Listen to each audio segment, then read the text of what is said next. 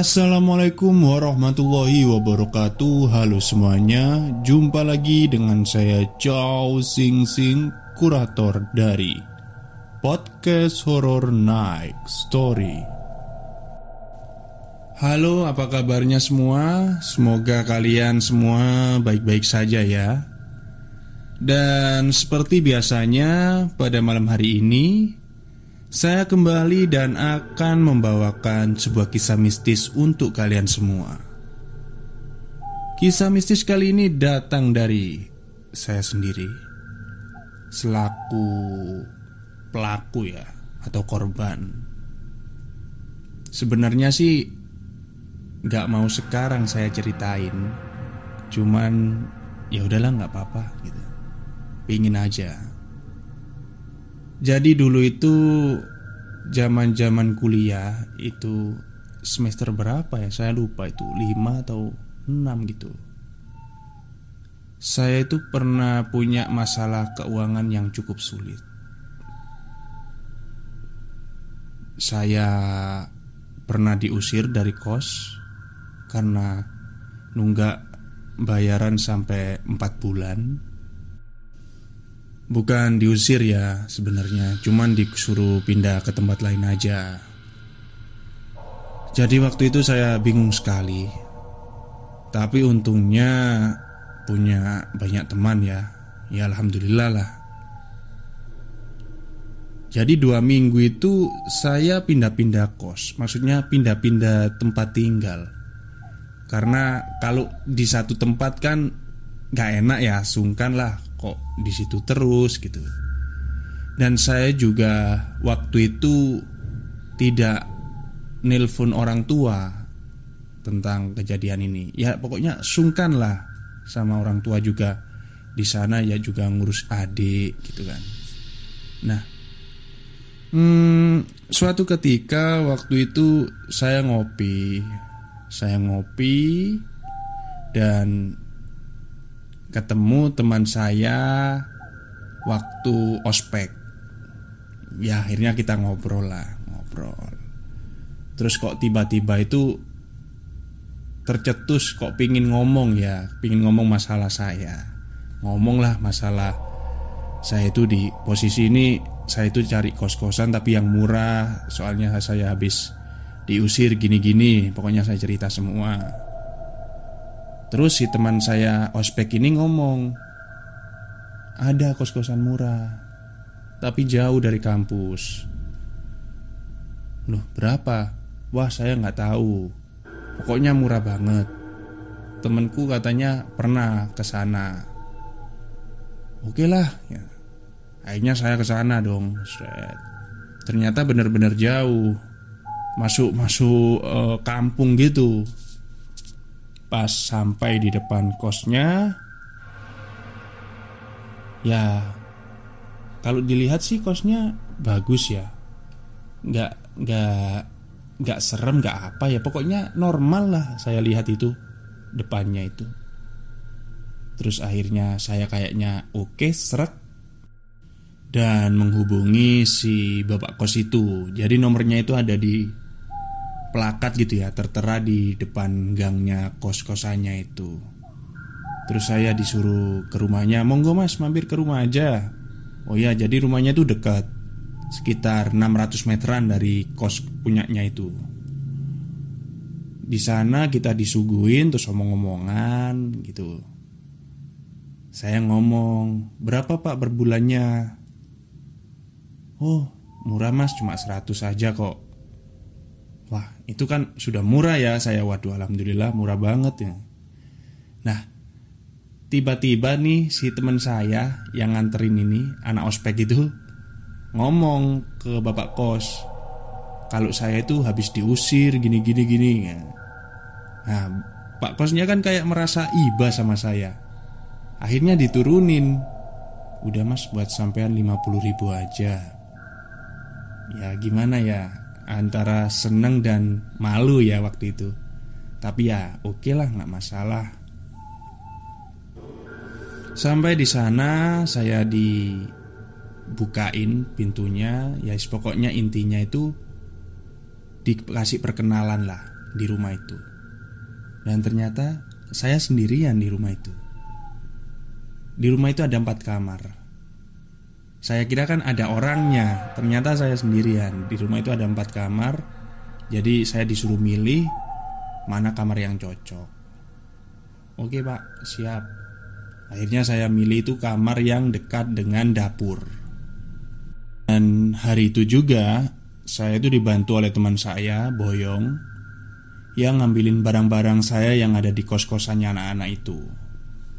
Saya Boyong Terus bapaknya itu ngomong Mas kalau butuh apa-apa Telepon saya aja. Oh ya pak nggak apa-apa siap. Baik saya pamit dulu ya mas ya. Ya Waktu itu sore udah sore Surup lah Hampir maghrib. Terus teman saya juga itu pamit Yang bantu saya boyong itu ya Pamit. Pulang ke kosannya sendiri Ya akhirnya sendirian kan Di kosan baru ini. Hari pertama nggak ada apa-apa ya. Ya aman-aman aja lah pokoknya. Dan saya juga waktu itu alhamdulillah sekali dapat kos baru murah Dan tempatnya bersih gitu loh. Gak kumuh gak apa pokoknya murah. Nah hari kedua ini muncul keanehan Waktu itu sekitar pukul 10 kalau nggak salah. Saya masih fokus ngerjain tugas. Tiba-tiba itu saya dengar ada suara orang ngomong Orang ngobrol lah. Di luar kamar saya pas pokoknya. Entah itu di ruang tamu atau di mana ya Pokoknya di dalam kamar itu saya dengar ada orang ngomong Tapi arahnya itu dari luar. Nah ini saya langsung merinding. Waduh siapa nih? Wong aku di rumah ini sendirian kan? Gak ada siapa-siapa. Lampu juga sudah nyala semua gitu kan. Akhirnya saya keluar Dari kamar. Saya lihat ruang tamu gak ada siapa-siapa. Terus dapur juga gak ada siapa-siapa pokoknya. Udah. Saya masuk saya ngerjain lagi tugas saya Eh nggak berapa lama Itu muncul suara itu lagi. Pokoknya suaranya tuh kayak orang omong-omongan lah Geremeng gitu. Wah udah nggak beres nih. Daripada nggak konsen kan Saya tutup tuh laptop. Akhirnya saya tidur. Keesokan paginya saya pergi ke kampus Terus kebetulan juga ketemu sama si Tono. Nah si Tono ini yang bantu saya boyong itu ya Teman ospek saya. Dia tanya Gimana tempat barunya? Enak? Wah lumayan lah Ton. Wong Kapan lagi dapat barang murah? Kayak gitu kan saya ngomong. Hmm Tapi hati-hati loh Barang murah itu biasanya bermasalah. Tono ngomong gitu. Terus saya kan cuma diem aja mikir. Iya sih. Ya yang penting Pikiran saya Apa ya Intinya itu pikiran saya nggak mikir Yang rumit-rumit dulu lah nggak masalah. Oke nanti kalau kamu butuh temen ya hubungi aku aja Kata si Tono. Oke siap. Singkat cerita ya di hari ketiga ini yang agak ekstrim. Waktu itu saya mandi. Saya ingat betul itu mandi. Saya kan keramas ya Keramas. Otomatis kan merem mata itu. Waktu saya mau pegang gayung Buat nyiram rambut itu Ini beneran itu kayak megang tangannya orang. Kaget saya. Astagfirullahaladzim. Pokoknya kaget lah waktu itu. Saya langsung melek itu Meskipun perih-perih gimana gitu ya Saya melek. Ya ternyata ya kiep-kiep gini kan mata saya. Gayung bukan tangan. Tapi kok terasa kayak tangan waktu itu. Dari situ saya langsung mempercepat mandi saya Dan buru-buru masuk ke kamar. Nah di kamar itu saya langsung pegang HP Hubungi si Tono. Ton, kamu di mana sekarang? Aku lagi ngerjain tugas nih sama anak-anak kerja kelompok Oh, ya udah. Nanti habis ngerjain tugas bisa nginep tempatku nggak? Gitu saya ngomong gitu. Waduh, nggak tahu ya. Mungkin bisa sih, tapi aku nggak janji. Ya udah, oke. Okay. Itu saya tunggu Tono itu sekitar sampai jam 11 malam, nggak datang. Dan saya kira memang oke okay, nggak datang dia, nggak mungkin datang udah jam segitu. Apalagi tempat kos saya ini kan masuk kampung gitu loh. Jauh banget dari keramaian. Sekitar jam satu malam Kalau nggak salah waktu itu. Saya sempat ketiduran sebentar Nunggu Tono itu. Terus jam satu malam saya bangun. Ada suara ketukan pintu. Saya pikir Tono kan Waktu itu Saya keluar dari kamar Seret Dok dok dok dok dok. Waktu itu kan masih nggak sadar ya pokoknya pikiran waktu itu nggak sadar. Bangun tidur kok. Saya buka pintu depan itu. Gak ada siapa-siapa. Eh tapi suara dok-doknya itu masih bunyi Masih bunyi gitu. Dok dok dok dok dok dok. Duh Ternyata ini suaranya bukan berasal dari pintu depan Alias dari kamar yang ada di depan kamar saya. Itu saya benar-benar kaget kan. Loh kok suaranya dari dalam? Wah wis gak bener ini. Saya langsung masuk kamar Saya kunci kamar. Terus saya meluk Al-Quran waktu itu ya Untuk pertolongan pertama. Wis pokoknya saya takut banget lah waktu itu. Wah teror ini Pikir saya kan waktu itu. Saya akhirnya terlelap dalam ketakutan. Dan waktu itu saya bangun itu siang pokoknya jam 9 pagi. Saya bangun Terus pas buka pintu itu Tiba-tiba saya ingat kejadian semalam gitu. Tapi kok nggak ada apa-apa ya Alhamdulillah. Dan saya iseng juga. Ketuk-ketuk pintu kamar depan Kamar, maksudnya kamar yang ada di depan saya Saya ketuk-ketuk gitu. Gak ada apa-apa. Saya saya buka juga nggak bisa wong kuncinya kan di bawah pak kos semua empat kamar itu termasuk kamar saya. Saya kan dikasih kunci cadangan. Nah dari situ saya mikir ini kalau kayak gini terus bisa gila ini tapi tempatnya murah. Gimana ya waktu itu? Pokoknya dilema sekali gitu loh. Kalau cari tempat yang anu maksudnya itu tempat yang aman harganya juga agak mahal sedangkan keuangan agak menipis ini. Sampai saya bantu waktu itu jaga warkop.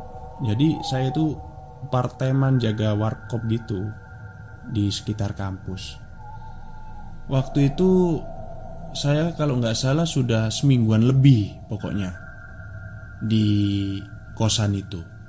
Jadi sebenarnya itu gangguan itu banyak banget. Tapi ya yang saya ceritain tadi adalah salah satunya lah ya. Pokoknya sebenarnya gangguan banget. Banyak banget lah pokoknya. Mulai dari keran hidup sendiri, terus ada suara uh, orang ngomong, ya pokoknya banyak banget. Suatu ketika kalau nggak salah itu jam 4 sore Saya pulang dari kampus.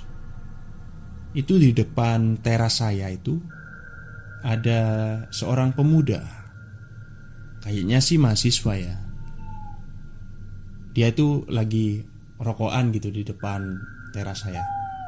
Saya pikir ini siapa lagi nih? Saya pulang terus Saya sapa Cari siapa mas? Oh enggak mas. Saya cuma Anu lagi duduk-duduk aja mampir. Oh ya Terus dia ngomong sampean yang ngekos ini ya? Iya mas. Sendirian. Iya. Wah kok berani sampean? Dia ngomong gitu. Ya Dilakuin aja lah mas Pokoknya dijalanin aja saya kan juga sempat mikir dia ber, dia ngomong gitu berarti kan tahu apa yang terjadi di sini. Emang ada apa mas di kosan ini, di rumah ini? Terus dia cerita Di salah satu kamar itu, di kamar ini Pokoknya di rumah ini Itu dulu ada bekas orang yang mati bunuh diri Waduh, makin gak enak kan saya dengar cerita dari masnya ini. Ya udah, gimana lagi? Wong keadaannya seperti ini kan pikir saya waktu itu. Bunuh diri, Mas. Bunuh dirinya karena apa, Mas? Saya coba pingin tahu lah ya. Waduh, ceritanya rumit, Mas. Akhirnya dari situ kita ngobrol lama ya Sampai hampir maghrib lah waktu itu. Terus dia pamit pulang. Mas saya pamit pulang dulu ya. Oh iya mas hati-hati silakan. Nah bodohnya saya. Saya nggak tahu namanya waktu itu. Jadi kita ngobrol lama tapi Saya nggak tahu namanya ternyata. Nah Singkat cerita Malam itu tidak terjadi apa-apa. Pokoknya selang-seling lah ya kadang-kadang itu kejadiannya. Dan malam itu tidak terjadi apa-apa. Nah paginya. Pagi itu sekitar jam 7 Entah kenapa kok saya pengen bangun waktu itu. Padahal bangun saya biasanya ya jam 9, jam 8 lah.